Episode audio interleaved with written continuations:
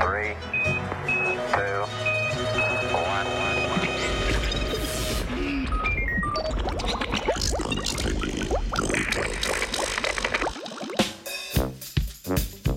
How low can we go? How low can we go?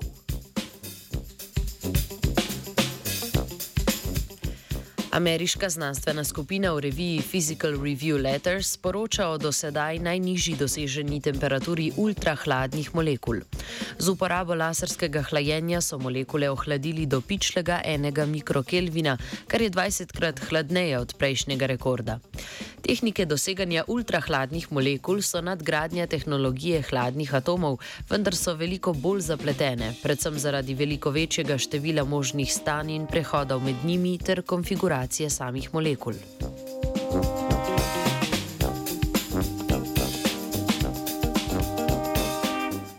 S pomočjo hladnih atomov skušamo pojasniti vrsto fizikalnih pojavov, od topoloških lastnosti trdnih snovi do nastanka vesolja in črnih lukenj.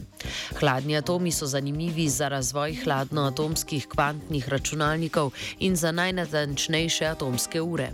Razvijajo pa se tudi atomski interferometri kot alternativa observatoriju za gravitacijske valove z laserskim interferometrom, bolj znanim pod kratico LIGO.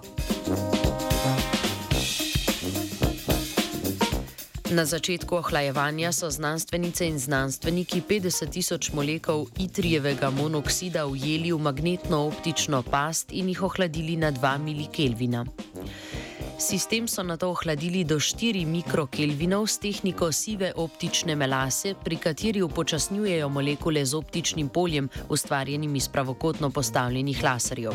Na koncu so 1200 molekul prenesli v enodimenzionalno past in zmanjšali intenziteto laserjev, s čimer so zmanjšali jakost potencialnih jam znotraj enodimenzionalne mreže. Na ta način so molekule ohladili do končne temperature enega mikrokelvina.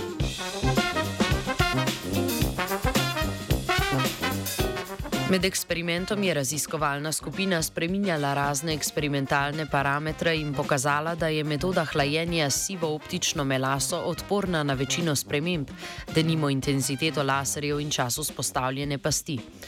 Po besedah avtorjev in avtoric študije je to pomembna karakteristika za nadaljni razvoj tehnologij pasti za nadzor številnih drugih molekul.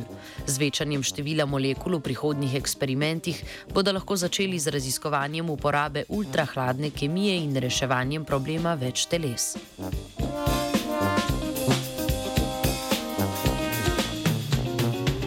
Pri udobnih 300 kelvinih je z Britov pripravila Tina.